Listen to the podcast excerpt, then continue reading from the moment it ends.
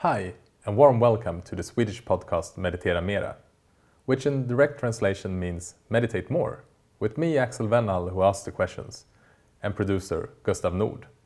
This is our third episode in English, and we're currently sitting here in Stockholm, and we're waiting to call and speak to Frank Ostaseski, who's enjoying his morning on the West Coast in the States.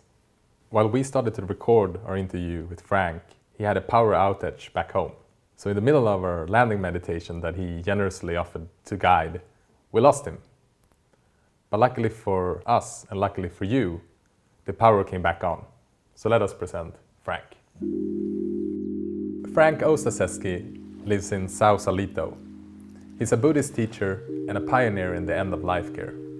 In 1987, he co founded the Zen Hospice Project, the first Buddhist hospice in America and in 2004 he created the Metta Institute.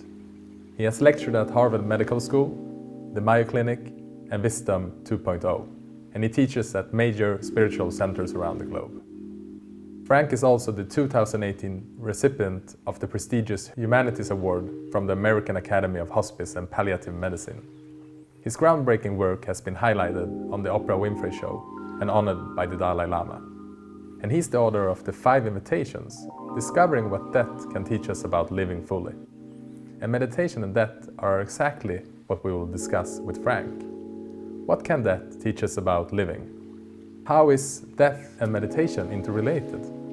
And what advice do Frank have for all of us who want to meditate more? There we go. Perfect. There. Sorry, my microphone was giving me trouble. Hi, can you hear me okay? Yes. Yeah. Do you, do you hear us? One, two, one, two, one, two.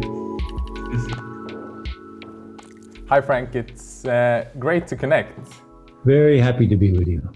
So, um, it, this is might sound strange for, for some, but this is actually a small dream coming true for us.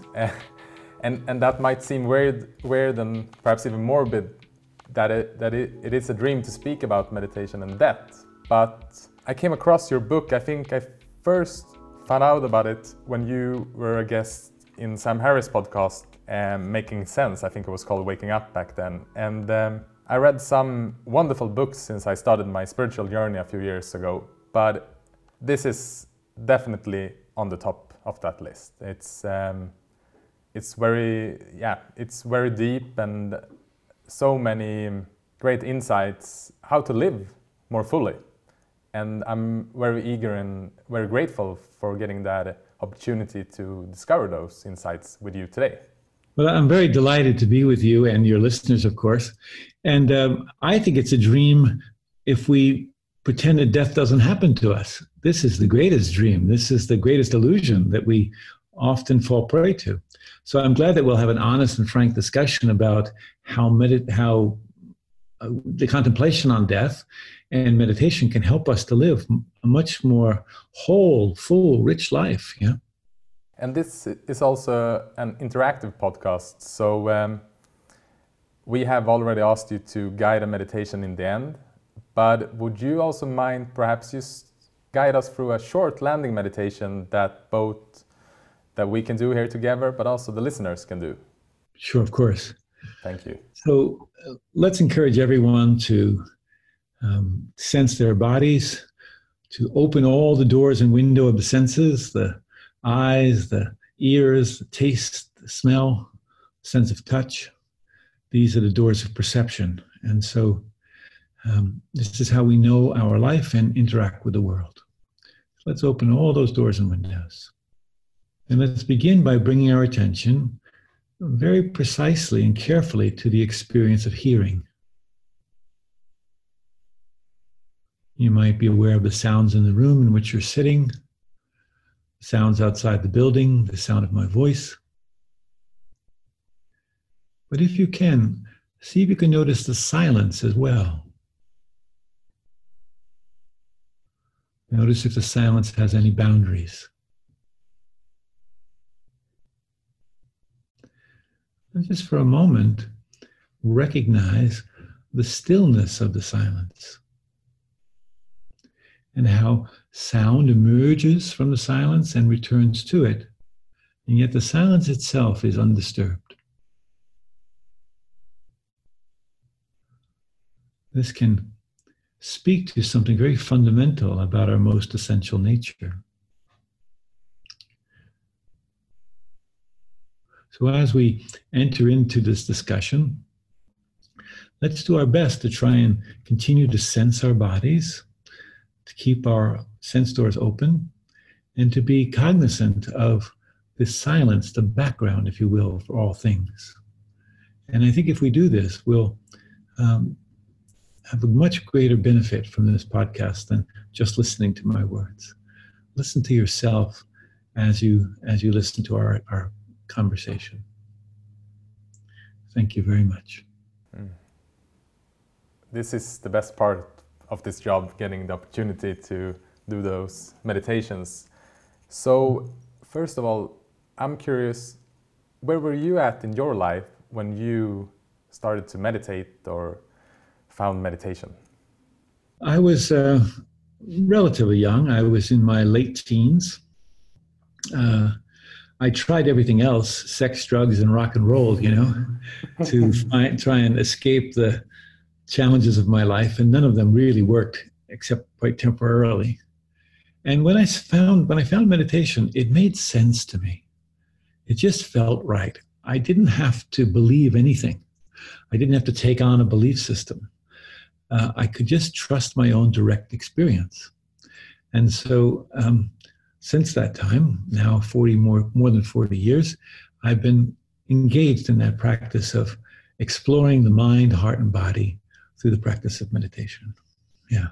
Hmm. How come you started the Zen hospice? So, how was sort of your spiritual uh, practice and how led you there?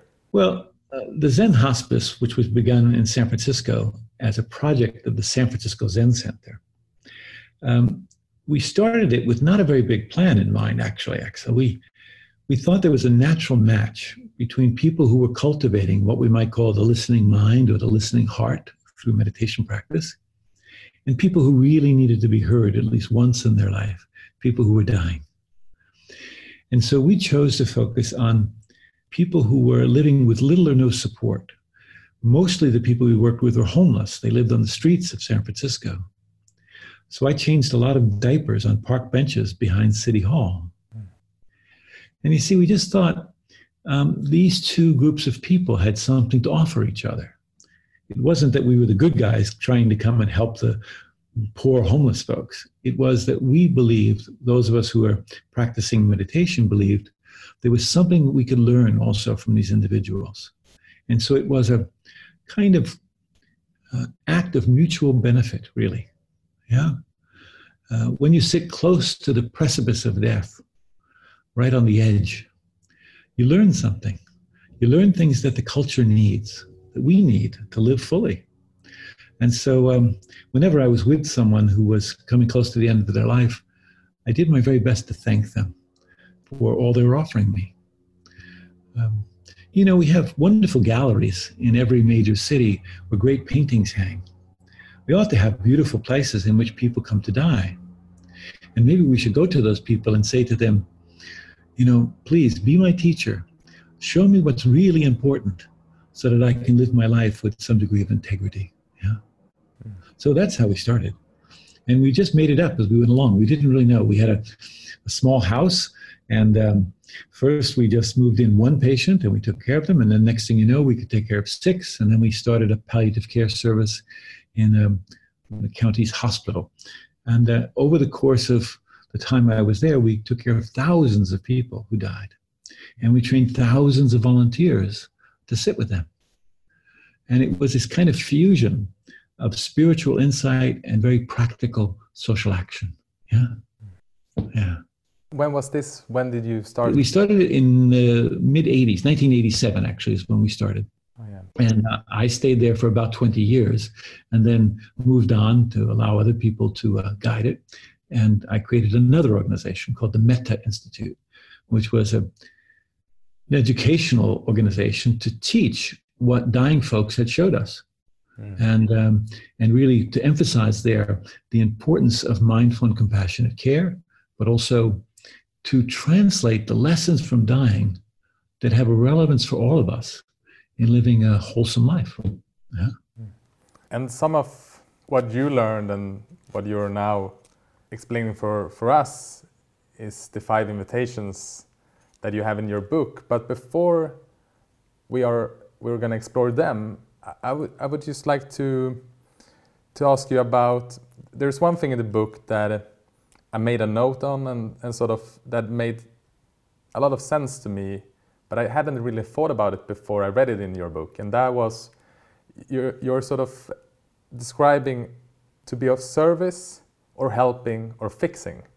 Could you please elaborate a bit on, on, on those three differences? And Sure. Well, you know, often when we help, you know, like when you help your friend move his house, right?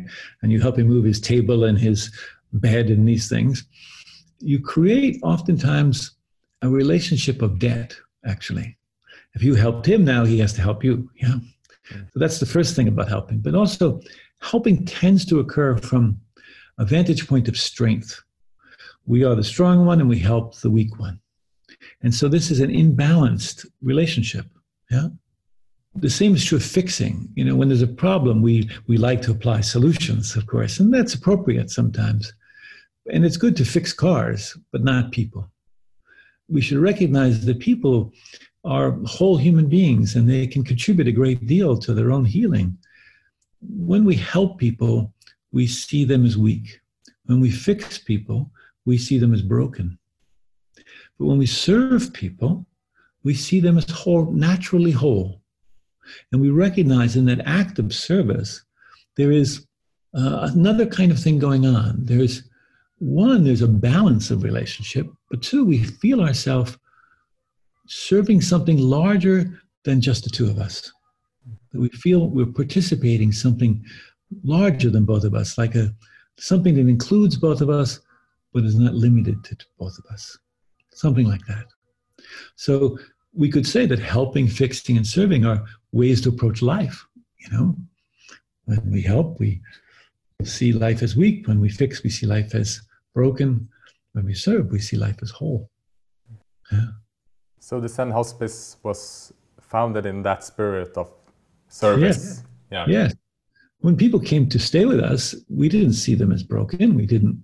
Um, we saw them as whole human beings, and so there's something that's quite beautiful about particularly people who have been living on the streets or on the margins of society, who are outcasts, if you will, from society, when they're recognized as whole human beings, intrinsically whole, then they start responding that way. You know, like for example, we had a man who was quite paranoid and psychotic, and I found him in the in the city park, the Golden Gate Park, in the middle of San Francisco, under some bushes. And I invited him to come and stay with us. It turned out he had terminal lung cancer.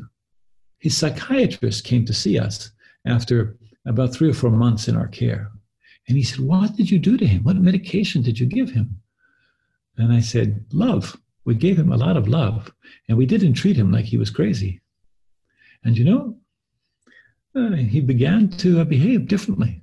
Now, I don't want to suggest it was any kind of miracle or that this is the solution for mental illness, but it certainly isn't uh, an aid when we can see and respond and hold a mirror to someone's intrinsic wholeness. Yeah, I think that helps. So let's dig into those five invitations that you you bring up in your book, and the first one is don't wait. What what what do you mean with don't wait, and what have you learned? Well, first I want to say that these invitations are really um, guidelines that we used at Zen Hospice as a kind of um, way to show us how to interact with patients. And, and all of them came from the patients. I didn't invent these. They're my synthesis of what I learned from the patients. So I really want to give them full credit because they're my teachers. And I always feel like when your teachers are in the room with you, you behave very honestly. You know? so I like to honor them by acknowledging them. So the first one, as you say, is don't wait. Waiting is full of expectation. Waiting for the next moment to arrive, we miss this one. I can't tell you how many times I've been with uh, a family whose mother is dying, And they're asking me, when is she going to die? When is she going to die? And waiting for the moment of death, we miss all the moments in between. So don't wait. This is a kind of encouragement to live in the immediacy of our life. Yeah? To not postpone our life for some other time. It doesn't mean that we should run about helter skelter, you know, trying to get, you know, all the toys we can possibly get. It means to settle back a little bit, to not be in such a hurry, to not be swept away by our ideas about the future. So here's an example, practical one. A friend of mine called me to say his mother was dying. And he lived in San Francisco and his mother lived in Toronto, Canada. And so the doctor said that the mother had a few weeks to live. And he said to me, When should I go? Mm-hmm. And I said, I don't know. Come and talk. And so he came to my house and we sat as you and I are sitting. And I asked him some questions about his mother. And he told me what the doctor said. And then he began to explain his relationship with his mother. And as he did, I could see his lower chin start to tremble. And I could see the color change in his cheeks. And I said, I think you should go tonight. And he was surprised. He had business the next day and he didn't think he could go. And I said, No, no, please go tonight. And so he did. He got on an airplane and he flew an overnight flight and he arrived in Toronto at 10 in the morning. And at 1 in the afternoon, he was sitting with his mother when she died. Don't wait. I mean, here's the thing, Axel, you know, to imagine that at the time of our dying, we are going to have the mental clarity, the emotional stability, the physical strength to do the work of a lifetime is a ridiculous gamble. And so our work is to practice now. That's the heart of meditation practice, right? Practice now. See what it can show us here and now. It's not about preparing for some end moment, you know, the final moment of, of our life when the breath stops. It's about living every moment, yeah? fully and completely. That's don't wait. Gustav and I, we had a discussion before before we got opportunity to speak to you, and, and, and discussion was, what would you do if you had one year left to live? And um, another one of those, uh, I think it was in Stephen Batchelor's book, uh, Buddhism Without Beliefs, there is a meditation he, he explain, explains, and it, it just goes to ask yourself, since death alone is certain and the time of death uncertain, what should I do? And for me, that just it sort of brings a, such a wakefulness into into the moment. It's sort of not that everything becomes so clear, but it's sort of yeah, it becomes definitely clearer what is important. Yes, I agree, and I think when people ask me this question, I like to I would like to be able to think that I would do nothing different than what I'm doing right now. Mm. That I wouldn't save up something for the moment of my death uh, and and try and squeeze it in there in the last few weeks. Uh, I would like to think that you know my death was a culmination of my life, hmm. uh, full um, throated living of my life. Yeah, hmm. yeah. And that leads us into the second invitation: welcome everything, push away nothing. Yes, people often have a hard time with this one. yeah, well, it's the I same mean, with the word acceptance. Like, does it even make sense? Is it intelligent? Welcome everything, push away nothing. I mean, it sounds a little crazy making. But here, when I use the word welcome, you know, I think of welcome as a kind of invitation, you know, a kind of open armed invitation. My wife is British, and they don't use the term welcome in, in England, you know. And so she said, What do you mean by welcome? And I, what I did was I outstretched my arms as far as I could, and I said, This is what it means to welcome. And I gave her a big hug. So the welcome doesn't mean that we have to like what comes or that we have to agree with it, any of that sort of thing. It means that we're willing to meet it. That's all. We're just willing to meet it. It's on our front doorstep. Are we willing to meet it? You know, the great American, African American writer, James Baldwin, he said there are a lot of things in this world that we cannot change, but nothing can be changed until it's met. Yeah. And so I think it's a beautiful encouragement to really step in to see what something has to teach us. Mm. There's a story I share in the book about eminent psychiatrist who had dementia. And some mutual friends went to his house, rang his doorbell, and he opened the door and he looked at them blankly. And he said, I'm so sorry, I can't recognize faces anymore, and I don't remember people's names very well. But I do know that this is my home. And my home has always been a place where people are welcome. So if you're standing on my doorstep, I know that my job is to invite you in. Please come in. Now, what kind of life do we have to lead that allows that sort of habit to grow and be expressed even in a confused mind? Yeah. So I think this is what it means to welcome everything. In order to know something, we have to allow it in. We have to accept its presence. And then we can study it. And then we can find what a skillful response is um, to meet the challenges of our lives. But if we keep it at arm's length, we can't know anything about it. And um, we are always victim to it in that way. So I think uh, this is a way to have choice in our life, really have choice, to welcome everything, all of the beauty and horror of the world. Yeah, I mean, I'm practicing welcoming, trying to welcome everything in life. But when I think about welcoming death as well, it's sort of that makes it harder just in just thinking about it. Yes, well, because our story, of course, is that death is a negative experience, that it's it's a full stop, it's an end, you know. I don't know. I don't know what happens after we die. You know, I, I, when I die, I'll write and tell you, you know. but honestly, I don't know. You know, I have lots of wonderful teachers who have said things to me about it, but honestly, I don't know. But it seems to me that everything else in life is characterized by impermanence. You know, this day comes and goes. This conversation will come and go. You know, this morning's breakfast come and gone. Last night's lovemaking come and gone. Yeah. But also, each of these things leaves a kind of residual, we could say, a kind of flavor of it. When a tree falls in the wood, woods, it becomes a log, and that log rots and becomes other things, doesn't it? So, impermanence is not just about endings, it's about the law of change and becoming. Everything becomes something else. Yeah? Hmm, we don't know exactly what form it will take, but everything becomes something else. Now, why would we as human beings be any different than everything else in nature? Now, I don't promise that we're going to come back as, you know, queen of Egypt or something, but that I, I think this is a foolish idea that we have about such things as reincarnation. But we do know that our influences are live in the lives of others. That's another way that we become. So I don't think death is a full stop. I think it's a way we scare ourselves by thinking of that, thinking of it that way. Yeah. yeah. I heard you say in another interview that you had experienced that the way people were thinking about death and what happens thereafter can also shape their their dying process.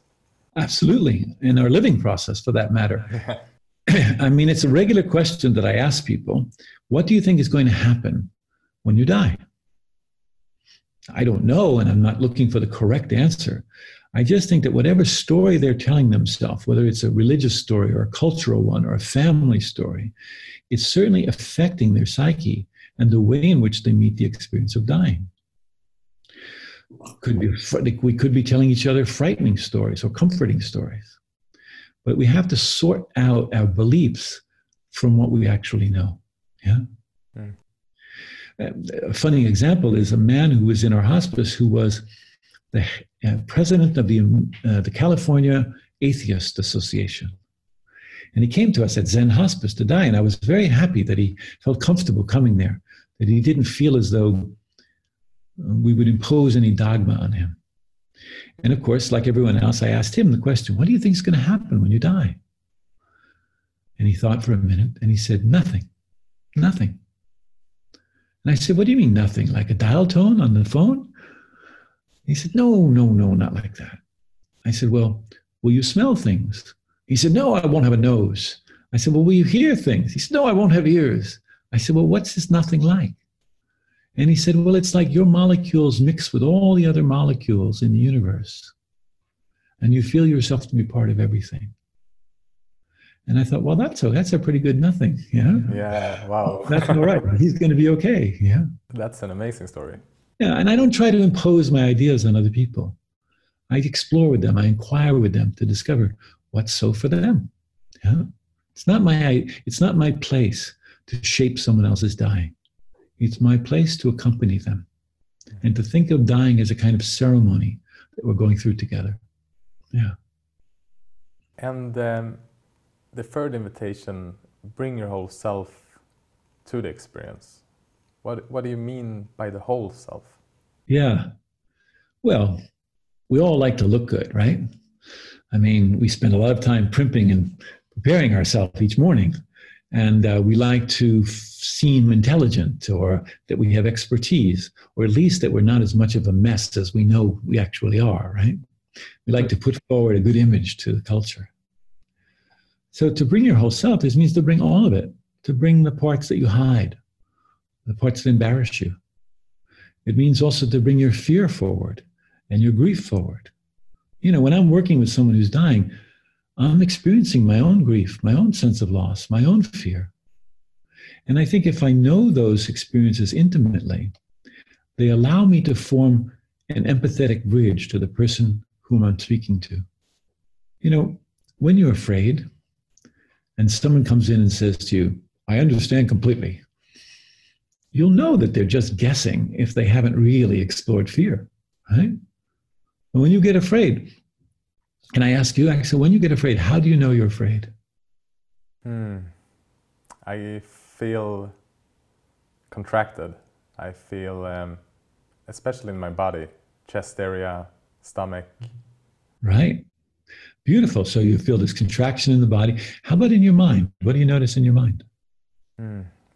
Same thing. And also, uh, yeah, co- uh, contraction is the first word that comes up. Sure. And also, I, I, f- I feel that I am in my head when I'm afraid. Uh-huh. So all the energy rushes to your head in a way. Yeah. Um, and sometimes we feel frozen when we're in fear. You know, we can't think, we get confused, examples Mm. like that. But here's the thing I want to point to you actually know quite a lot about your experience of fear. That enables you, first of all, to be with someone else who's afraid. But there's something else I want to point to, which is that in addition to your fear, there's the knowing of the fear, there's the awareness of the fear. So that means that fear isn't the only thing in the room. Awareness is also here. And aware you can choose to function from the fear or you function from the awareness. Yeah. So when I'm with people who are afraid, I help them to discover, just as you and I did for a moment, that they can be aware of their experience. And that gives them the freedom to not be trapped by it. Yeah. So to bring your whole self means to bring really your whole self, not just your emotional, just your, all your emotional states and your neuroses and all of this, but also your awareness. To bring this forward too. This is part of who you are. So here's an example. I was taking care of a dear friend of mine during the AIDS crisis in America. And he was a wonderful guy. And there were about three or four of us taking care of him. And it was my day, a Monday morning, I remember to come and see him at his house. And when I arrived at his house, he was sitting at his kitchen table, and a strange neurological phenomenon had happened for him overnight. And he'd lost his ability to hold a fork, or to stand, or to speak an intelligent word. It all happened in one night. Yeah. And it was my day to take care of him. So we went through the day doing our best. And, and John had these anal tumors and constant diarrhea. And taking care of him was a lot of work. We had to go from the bath to the toilet, back to the bath, dozens of times during the day. And frankly, I got very tired. I was really tired. And, and when I get tired, I tend to lean into my role. You know, I try to be somebody to sort of give me some false strength. And that's what I was doing with John. And uh, there he was sitting on the toilet, and I was washing my hands at the basin, looking in the mirror, and I could see that for the first time in the day, he was whispering something to me. And I turned around and I heard him say, You're trying too hard. And I was. Trying much too hard to be somebody, you know, to be me, Mr. Hospice, you know. And I sat down beside the toilet and I just wept.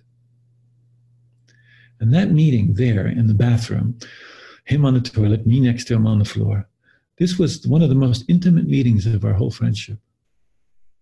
Because you see, in this moment, we weren't so separate. Before then, I was afraid. And I was afraid to acknowledge my fear. I was afraid to acknowledge my helplessness. I was afraid that if I did, we would be lost. But actually, what happened was we were helpless together. And we didn't stay stuck there. We weren't helpless forever. But we learned, I learned something about that state of helplessness, which was actually really help, really helpful, really useful in caring for him.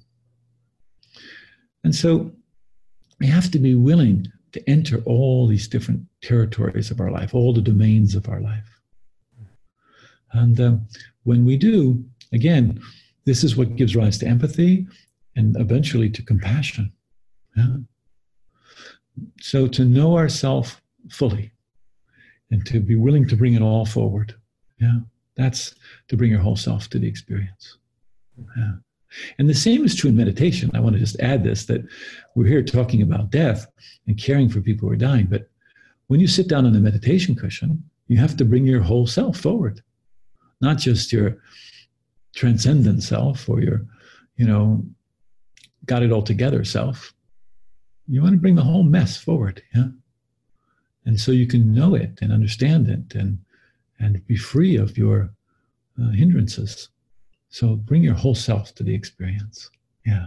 Yeah, we we usually talk about meditation as a, um, as a practice to be able to be present in life, and it's quite easy to be present when you're out in nature or when you're cuddling with a cute dog or whatever. But the real challenge obviously comes in when life gives us those challenges, as you just you explained. So absolutely, yeah. you know. Um, I have two stepsons that are twins. And when they were young, we used to take photographs of them and print the photographs on a stiff piece of cardboard. And then we would take the cardboard and we'd put a puzzle die over the top of it and cut it into 500 pieces. And then we'd spread these pieces out on the, on the table and see if they could reassemble themselves. Yeah. I think our life is like that sometimes. You know, we start looking at those puzzle pieces and we think, oh, there's my anger. I should be over my anger by now. I think I'll set that aside. Or there's my grief. I'm so tired of my grief. I think I'll put that aside. Mm. And, and when we look then, we couldn't recognize ourselves because we'd be looking at a fragmented image of who we are.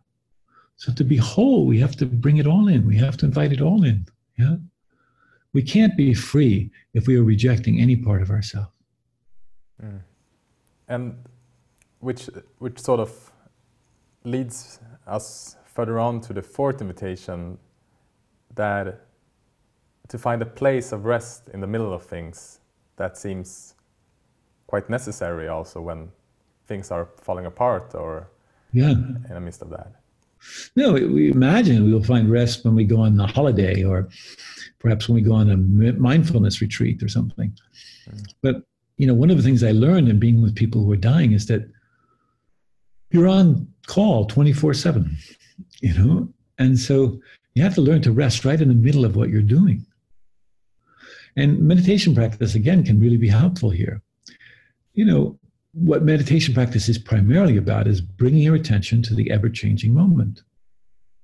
And by attending to constant change, the flow of that, the mind actually gets quite stable and it gets concentrated.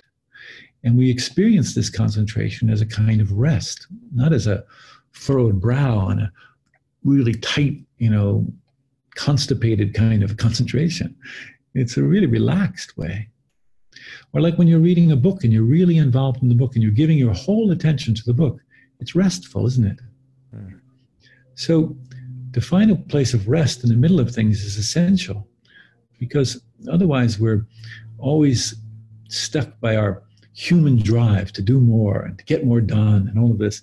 And our nervous systems are kind of jangled and out of balance, really. Um, I, I just suffered uh, a series of strokes this summer, brain strokes. Mm-hmm. And I'm fortunate in that I didn't have any paralysis and I haven't had any aphasia or word finding problems. I'm able to speak fairly cogently to you anyway. But it's confused my capacity for processing. I can't make my iPhone work. I can't sort things. Uh, if, if we say, let's go and have dinner, but before we'll stop for a coffee and afterwards we'll have some dessert on the way home at a different restaurant, I can't sort all those things. I know what each of them are, but I can't put them in order. And I also can't place myself in time. It's quite difficult for me. Mm. Time is just a kind of idea for me mostly. So this these states can create a certain degree of anxiety. So I have to learn to rest right in the middle of the anxiety. And that's what stabilizes me. That's what actually brings me back and enables me to function. So to find a place of rest in the middle of things. Ah, do you want an illustration of this? Yes, please. Okay. So at the hospice, there was a woman. Her name was Adele. And she was a very rough, tough Russian Jewish woman. And uh, she didn't think any, she didn't like Zen hospice. She didn't like all this talk of meditation and things, you know. So the night she was dying, they called me and I went to be with her. And I walked in her room and she was sitting on the edge of her bed with her feet sort of dangling off the edge in her nightgown. And next to her was a nurse's aide, very good person. And so I sat in the corner. That's my way.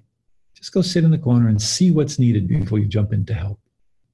And the very nice nurse's assistant said to Adele, You don't have to be scared. We're right here with you.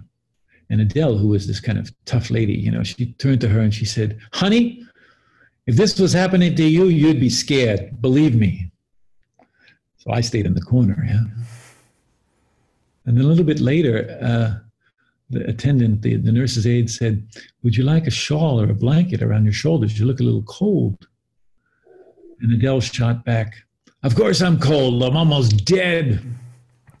And I thought, My, I wish, I, I hope I have half of her tenacity when I'm dying, you know? But I saw two things in that.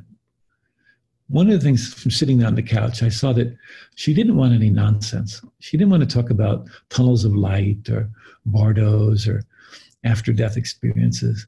She wanted authentic relationship. She didn't want not she didn't want reassurance.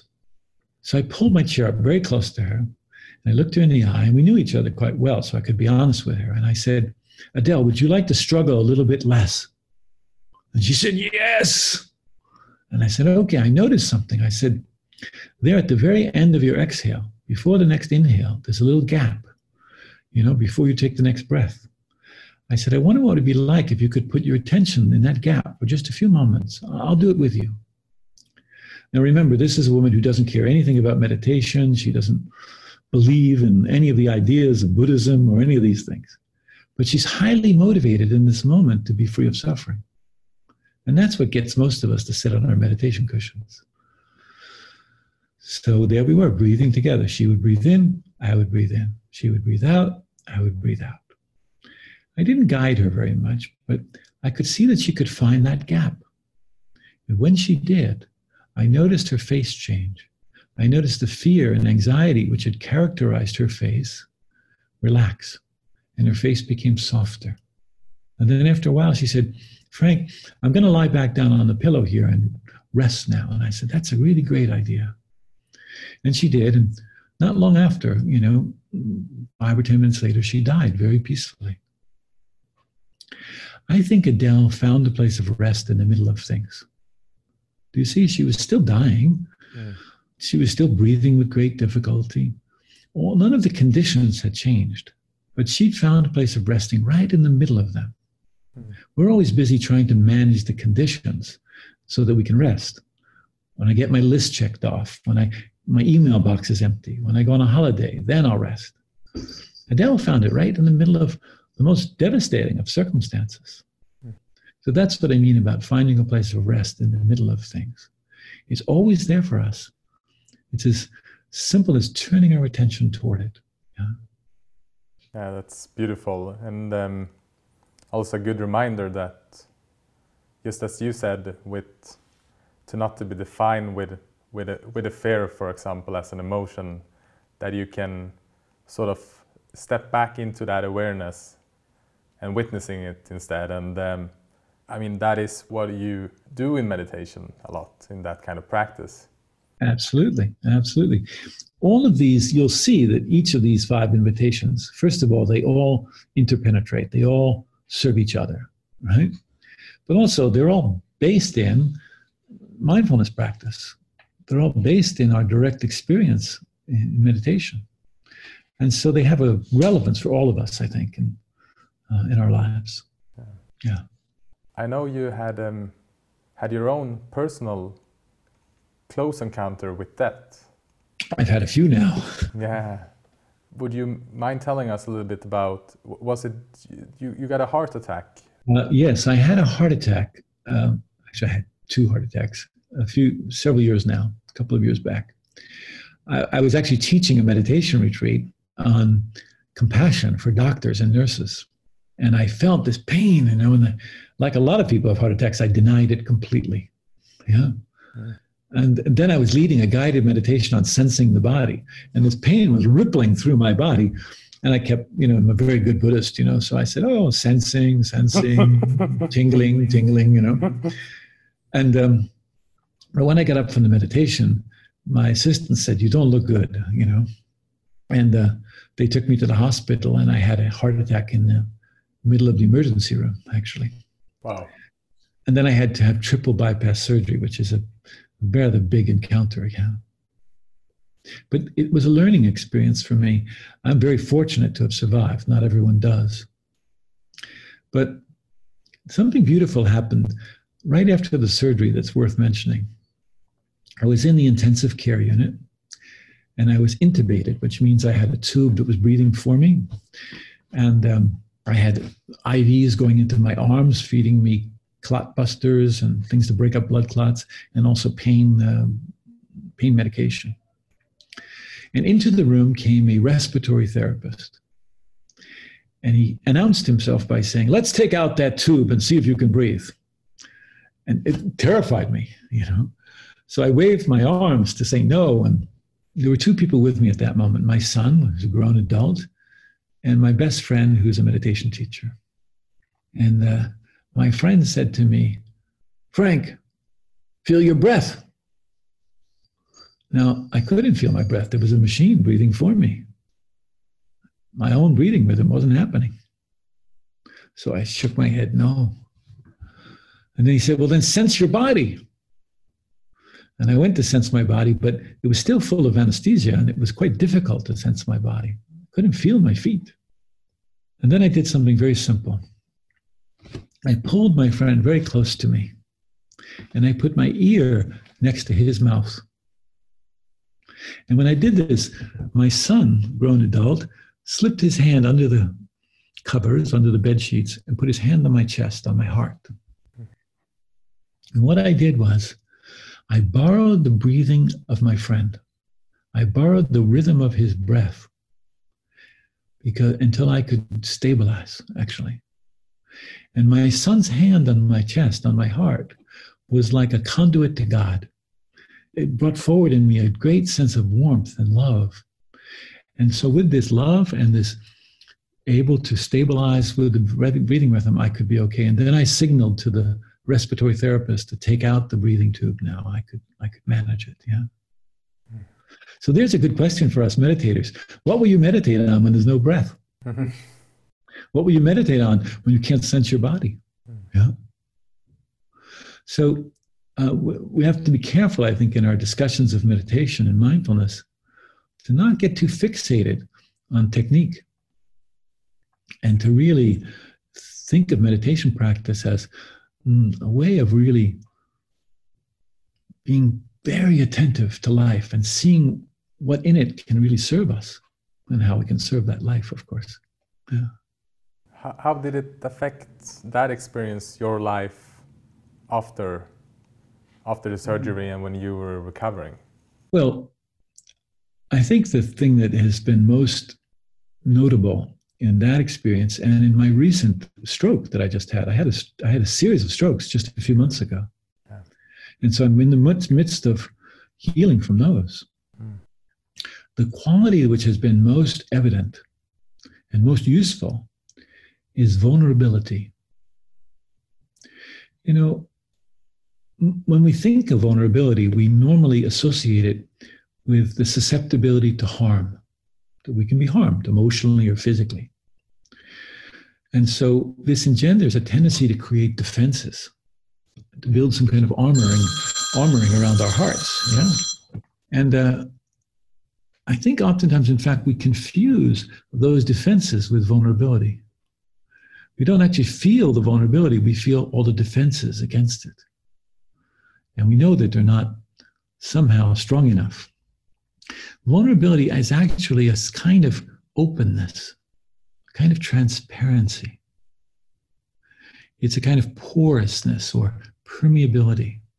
Do you remember from your high school biology classes studying osmosis? And osmosis is that process in the body where molecules move across a semi permeable membrane. And they do it effortlessly. It happens all the time in our, in our bodies. Vulnerability is like that. It allows the world, its beauty and its horror, to impress itself on our hearts, on our souls, yeah, on our nature. So the thing I've learned most from my heart attacks and from this stroke is the value of vulnerability. And I think it's one of the most beautiful human qualities I know. Because it enables us to sense and feel and know directly our experience. And for that matter, to know directly the experience of others. So it takes courage to be vulnerable. We think of it as weakness, but actually, it's the most courageous thing to allow ourselves to be vulnerable. To know that some of us will make love while other people make war. To know that there are children like my granddaughter who tonight will make mm, tents out of bed sheets and couch pillows in, in our central room. And to know that there are other babies who are crying themselves to sleep in Syrian refugee camps.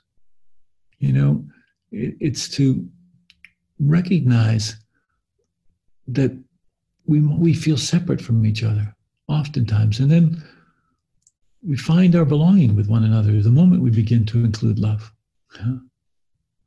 So vulnerability allows us to experience all of that, the whole range of things.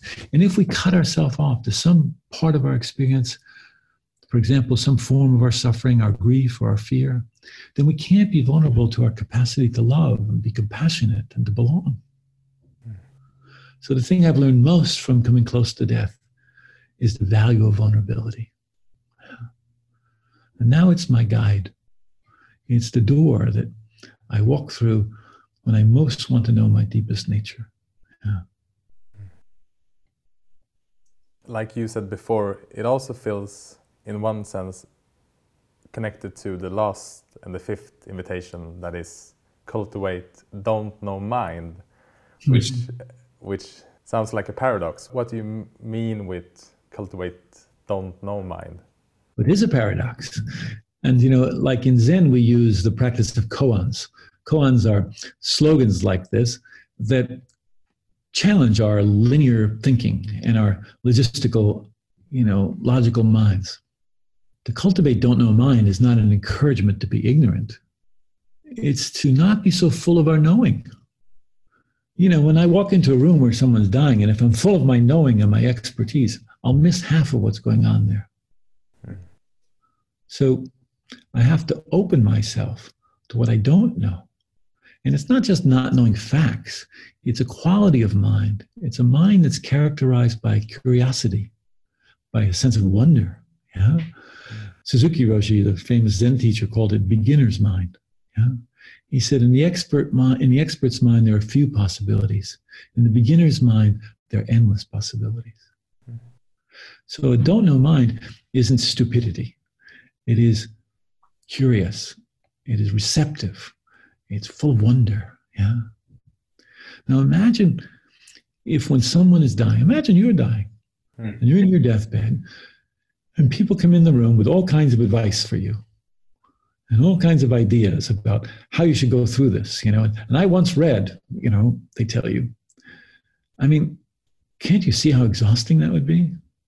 And how you would feel so isolated and alone in the bed. Whereas if somebody came in, weren't so full of their knowing, and were able to sit with you and explore with you and learn from you about what your experience is, ah, so much more would be possible.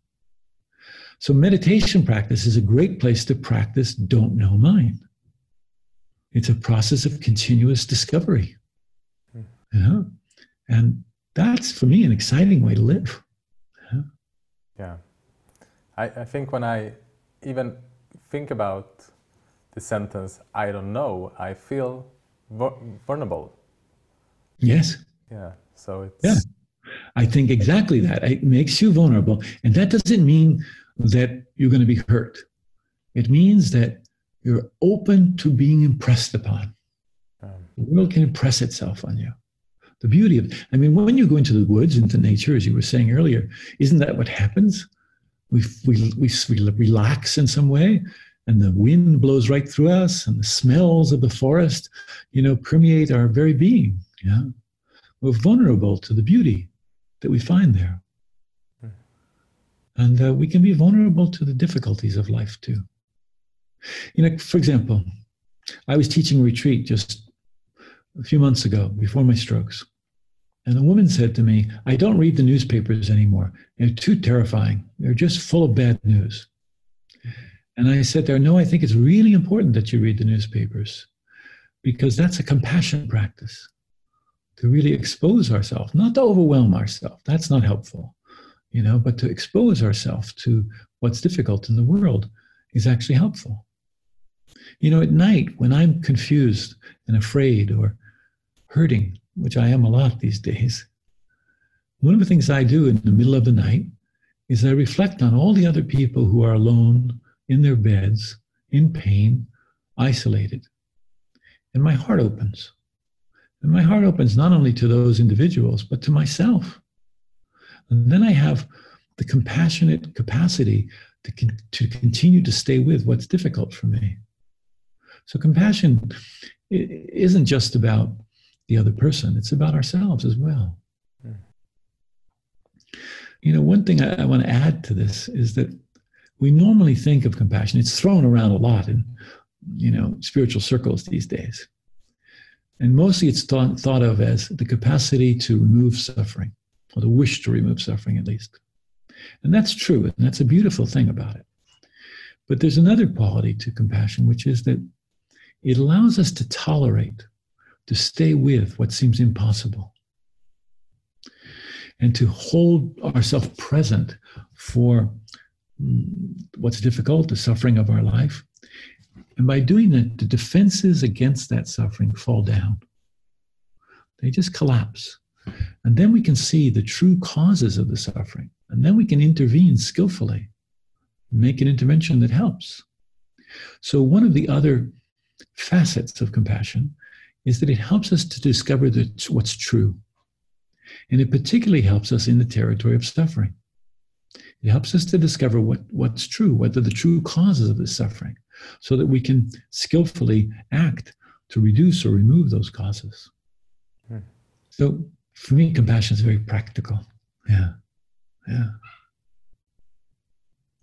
So to really cultivate don't know mind, huh?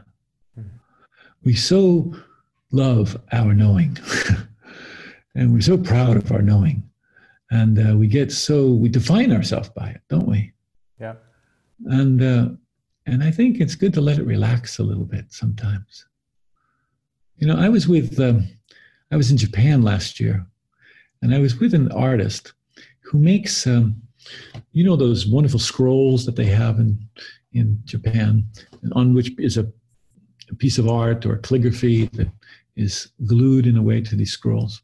He makes the scrolls, and he's quite an artisan. And I said to him, "You're a beautiful artist." He said, "No, I'm not an artist. I'm a craftsman."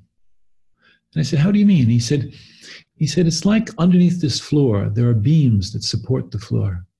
We don't see the beams, but they're there to support the floor. He said, My scroll is like that to the artist. He said, My job is to support the artist, actually. And by, by fading into the background as much as possible so that the art can really be seen for all its beauty. Yeah. Mm. It was really lovely to, to hear him say that. And, and I think sometimes when we relax our knowing, we're a little bit more like that, you know? And so something beautiful or true can show itself in our life. Yeah, yeah sure. What, what comes up to my mind is the ability to hold a space or to to give space to other people. Uh, yeah. Yeah, and isn't that what we do in meditation? Yeah. In a sense, aren't we holding space for ourselves?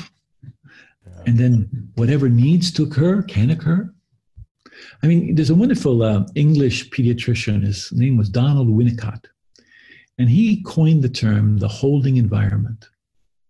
And what this was referred to is young children, toddlers, when they're learning to walk, for example, they, t- they stand up, you know, they toddle along very unbalanced and fall down. And oftentimes they scrape their knee or they feel shocked or startled. And the mother or the, or the father or some adult comes along and picks them up and holds them. And when they hold them, what they do is they lend that child their nervous system, actually. And it helps the child to regulate. And then when they put the child back down, inevitably what happens is the child can go further now. The child can go further than they first imagined, in a way. Well, you know, stumble along a little bit further. I think we could think of meditation like that, that our awareness is a kind of holding environment. And when we feel that holding, we can go beyond our limiting stories of ourselves. We can experience the fullness of our nature we can know much more intimately all that we are. But in order to do that, we have to feel the loving holding of the awareness. Awareness itself, it's like, um, well, it's like this holding. It doesn't reject anything. Hmm. And love infuses awareness sometimes. And I'm not talking here about mushy, sentimental love. I'm talking about the strength of love. You know, love is strong because it doesn't reject anything. You know, in America, I don't know how it is there, but we have these very entitled communities that are gated. And you have to have a special passcode to get through the gate, you know, into a wealthy community sometimes. Love is not a gated community. Hmm. Everything is welcomed, even those parts of yourself that seem unlovable. It's all welcomed. You've been sitting with a lot of people who were about dying. What was the question that mattered most to them? Well, of course, there's no one set of question. Um, different things for different people. But what I saw very often actually was, well, it relates to what we've just been talking about. People mostly wanted to know not what happens after I die, or they want to know, am I loved? Am I loved?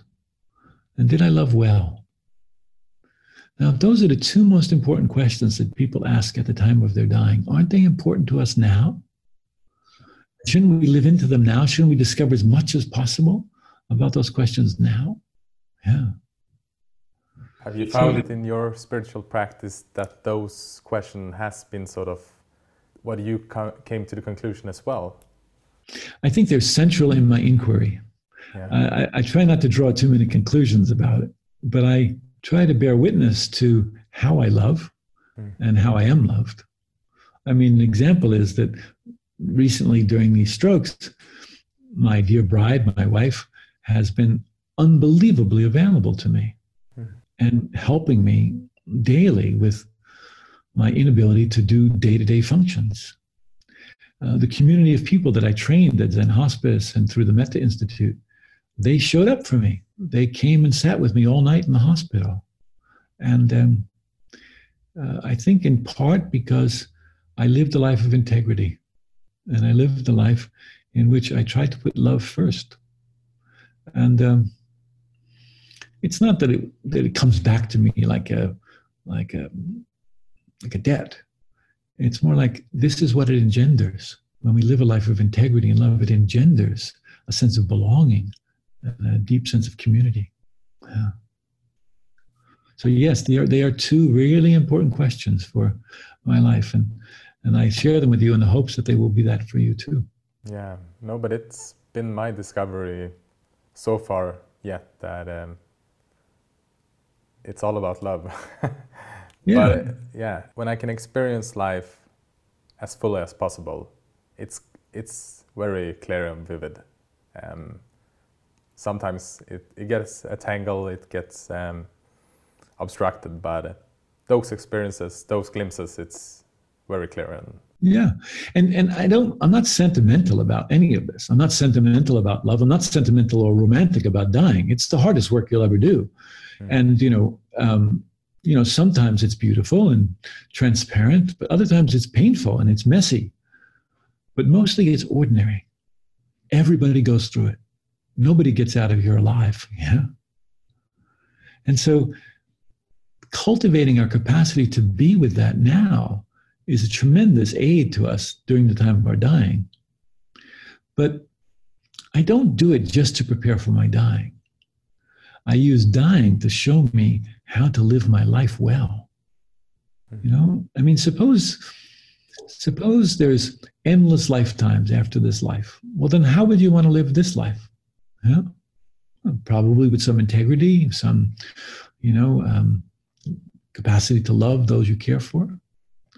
And suppose there was no life after this. This is it. Suppose it just ended when you took your last breath. Well, then how would you want to live this life? Well, you would want to live it with a lot of integrity, right? With a lot of love for the people that you care about. So we can use the presence of death in our life to show us how to live this life in a way that has meaning and purpose. And uh, that's what dying people have taught me over the years. Thank you. Thank you, Frank. Uh, before we are going to end our conversation with a guided meditation by you, we just have just a few quick last questions. Uh, if, if you could make a time travel and go back and give an advice to yourself when you were about to start meditation, what would you say to yourself? Relax. I mean, relax. I mean, it's true that you know, I I got a bad back now. And I think it's partly because I was striving so much as a meditator, you know, enduring. I was very good at enduring in meditation. You know, I, I said, uh, I don't know if we've shared this, but mostly we think of that balance of effort as applying more or less energy in meditation practice. I think of it as a balance between relaxation and interest. Hmm. The body's relaxed, the heart's relaxed, the mind's relaxed. Mindfulness emerges much more easily. And when the mind is really engaged, it's curious and it's interested, then there's a kind of brightness, isn't there? There's a kind of bright mind. And it not only opens the mind, but it lifts up the body and inspires the heart. Yeah? Yeah. So I think that's the right balance for us to find between relaxation and interest. I'll take that advice as well. I see a lot of striving in myself, so that's great. Uh, we we have a, a, segment in the in the podcast that is called five quick questions. Okay. Just what comes. I, have to give, I have to give five quick answers then. exactly. Okay. Perhaps it will be lost in translation here, but I'll give my best. What makes you present? My granddaughter. If you had to recommend one book about meditation, which book would it be? Zen Mind, Beginner's Mind by Suzuki Roshi. What are you grateful for right now? Breathing. When was the last time you cried? This morning. I think that crying shakes loose the calcification around our hearts. Mm. What's the best advice you got? When I was a young man and I went traveling across the country, my father said, You'll come to a place that's very beautiful. Stop, savor it, but don't stay there for too long. There's another beautiful one just down the road. Perfect. Thank you. I am um, again very grateful for for you taking this time and for also guiding us into this meditation. So I will just give you the give you the floor. All right. Uh, let's see. I think of meditation practice as a way of becoming intimate with ourself and the world around us. So let me guide a practice that might help us. So let's begin by pausing. Just pause. Pause is an opportunity to step back from the momentum of our life. It's an opportunity to remember who and where we are. It's a way of releasing ourselves temporarily from habit. So let's just pause.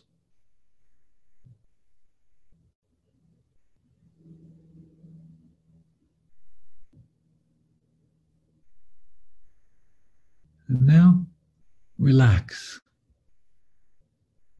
Allow the body to relax, the heart to relax, consciousness to relax. To recognize that mindfulness emerges much more easily in a relaxed body, heart, and mind. It's not the goal of the practice, but it's conducive to the practice. So pause and relax. Pause and relax.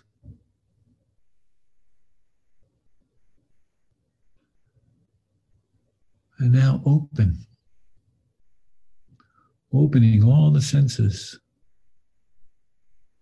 Allowing the mind to be open, the heart to be open.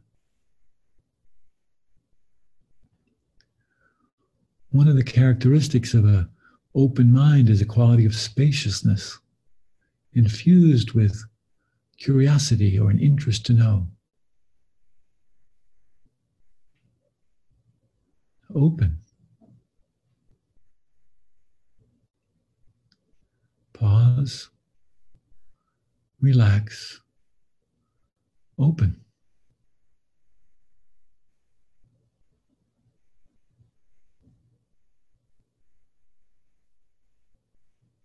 And now allow. Allowing takes us beyond accepting and rejecting altogether, beyond fear and hope. We allow our whole experience to show itself, to display itself on the screen of our awareness.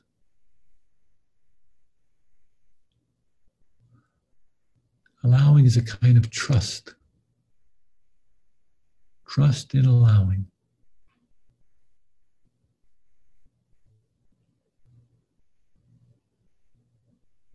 Pause. Relax. Open. Allow.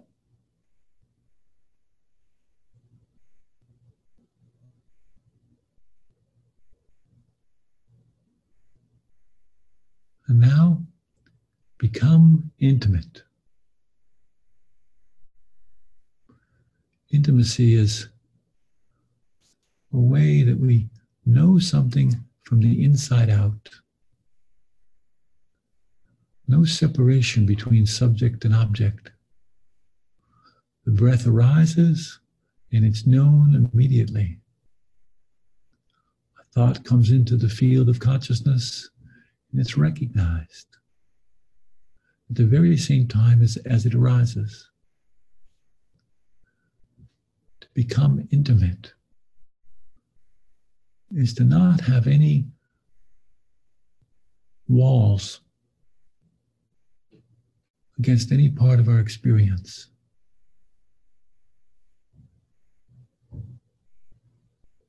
To become intimate is to know through immediacy.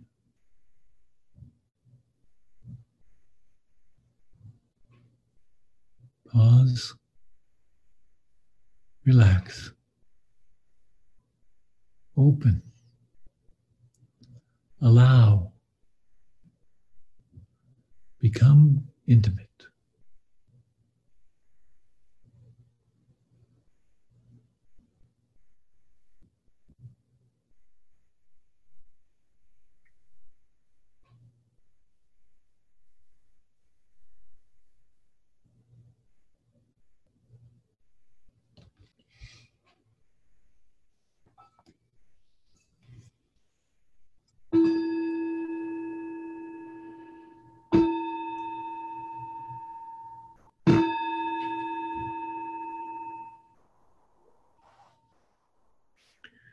Thank you very much. Mm. Thank you. Two two last questions before we we uh, say goodbye for now. But um, first, um, do you have any suggest suggestions on on other guests that you would uh, that you would be keen to listen to? Yes, one that might fit well with you is a fellow by the name of Mark Coleman. And Mark is a meditation teacher at Spirit Rock, trained by Jack Kornfield, but he also has a mindfulness training institute, which he teaches in both in Europe and here in the States, mm-hmm. teaching people how to become mindfulness facilitators. But his specialty is mindfulness in nature. And so he's really wonderful about helping people to recognize how to be mindful in nature and how that can support our practice. So he's a wonderful guy, and I'm happy to introduce you to him. Yeah. I don't know what his availability is, but he's a dear friend, and I'll suggest it to you. And given where you live and your the clientele of people who listen, I think it would be a good match for you. Yeah. Sounds awesome. Thank you. Yeah. So thank you so much for for taking the time and glad that the power got back on as well. Yes, I'm so sorry about that. I, oh, no. Nothing I could do about it, but I no, appreciate it. And I'm glad we got back on. It just was a freak random thing that it went out. Perfect. Thank you so much. Okay. Yeah, you're welcome. Thanks again. Have Take a great day. Yeah, bye-bye. Bye. Thank you for listening to this episode of the Swedish podcast Meditera Mera. We hope you have been inspired by our conversation and by Frank's meditations. This podcast is done by me, Axel Venhall, and Gustav Nord. And together we run Breathe In, where we arrange meditation and adventure retreats. With the help of meditation, nature, and adventure, our aim is to discover the present moment, both on our trips, but also when we get back home. And we currently have three upcoming retreats. A weekend retreat just outside Stockholm, where we're gonna hike and meditate. And then we have another retreat in Sweden, Thursday to a Sunday, where we're gonna explore plant based food and mindful eating, together with hiking and meditation. And then we're going back to the Italian Alps for hiking, mountain climbing, and downhill cycling, and a lot of meditation, of course. If this resonates with you, you'll find more information on our website, breathein.se. As mentioned in the beginning of the episode, this was our third international guest, and hopefully we have a few others coming up. And we also hope this is only the beginning because we believe that meditation and mental health will be our next health revolution. And in order for that to happen, we see that meditation needs to be explained in an easy, understandable, and also a scientific way. And that's exactly what we hope to achieve with our guests. If you have any suggestions on inspiring guests, please email us at hi. And if you like this episode, please share it to your friends so we can inspire even more people to discover the present moment and meditation. And if there's something that we will bring with us from the conversation with Frank, it's that don't wait to love.